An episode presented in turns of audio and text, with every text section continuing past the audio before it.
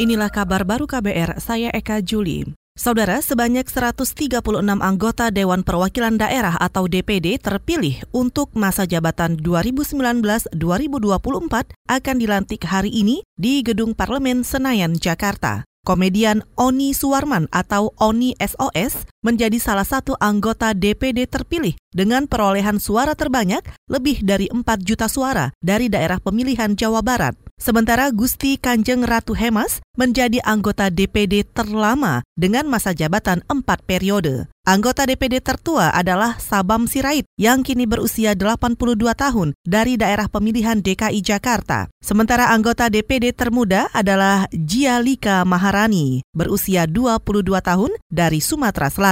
Jumlah anggota DPD perempuan sebanyak 42 orang, termasuk penyanyi Maya Rumantir. Dari 34 provinsi, ada 8 provinsi yang tidak ada perempuan terpilih, yaitu Aceh, Kepulauan Bangka Belitung, Kepulauan Riau, Bali, Kalimantan Selatan, Sulawesi Tengah, Sulawesi Barat, dan Papua Barat.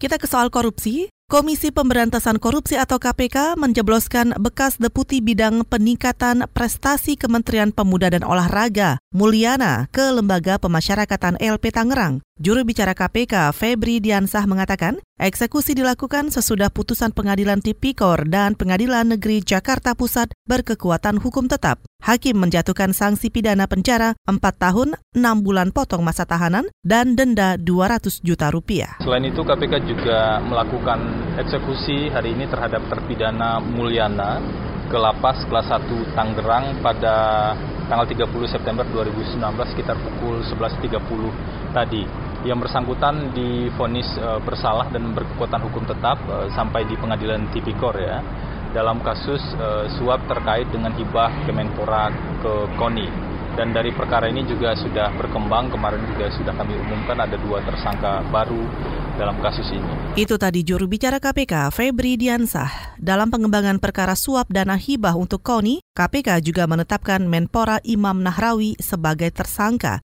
Begitu juga dengan asisten pribadi Menpora Miftahul Ulum. Nahrawi diduga menerima dan meminta uang sebesar 26,5 miliar rupiah. Uang itu diduga sebagai imbalan komitmen atas pengurusan dana hibah KONI tahun anggaran 2018.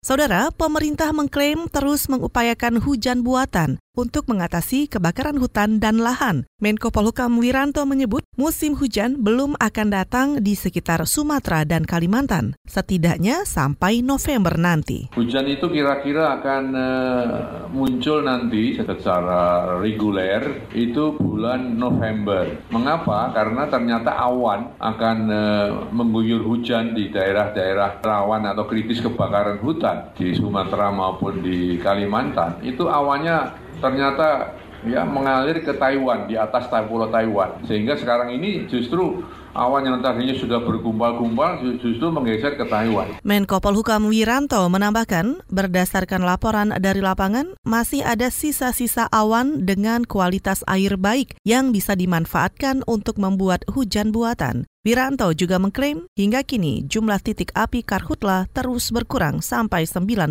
persen. Kita ke Jawa Barat. Kepolisian daerah ini mengindikasikan keterlibatan kelompok anarko ketika demonstrasi penolakan sejumlah rancangan undang-undang bermasalah di depan gedung DPRD Jawa Barat kemarin. Juru bicara Kepolisian Jawa Barat, Truno Yudo Wisnu Andiko mengatakan, usai demonstrasi yang diwarnai perusakan fasilitas umum dan berakhir ricuh itu, ditemukan vandalisme dengan lambang kelompok anarko. Dari gedung DPR tadi kita lihat 16.30 ya itu pelemparan dan kemudian ada pelemparan beberapa yang sifatnya mengandung asap dan juga api. Nah itu yang membuat kita juga harus melakukan tindakan tegas karena kita kan hanya melindungi dan mengayomi orang yang merunjuk rasa dan, dan menjaga aset e, pemerintah dalam hal ini adalah gedung DPRD.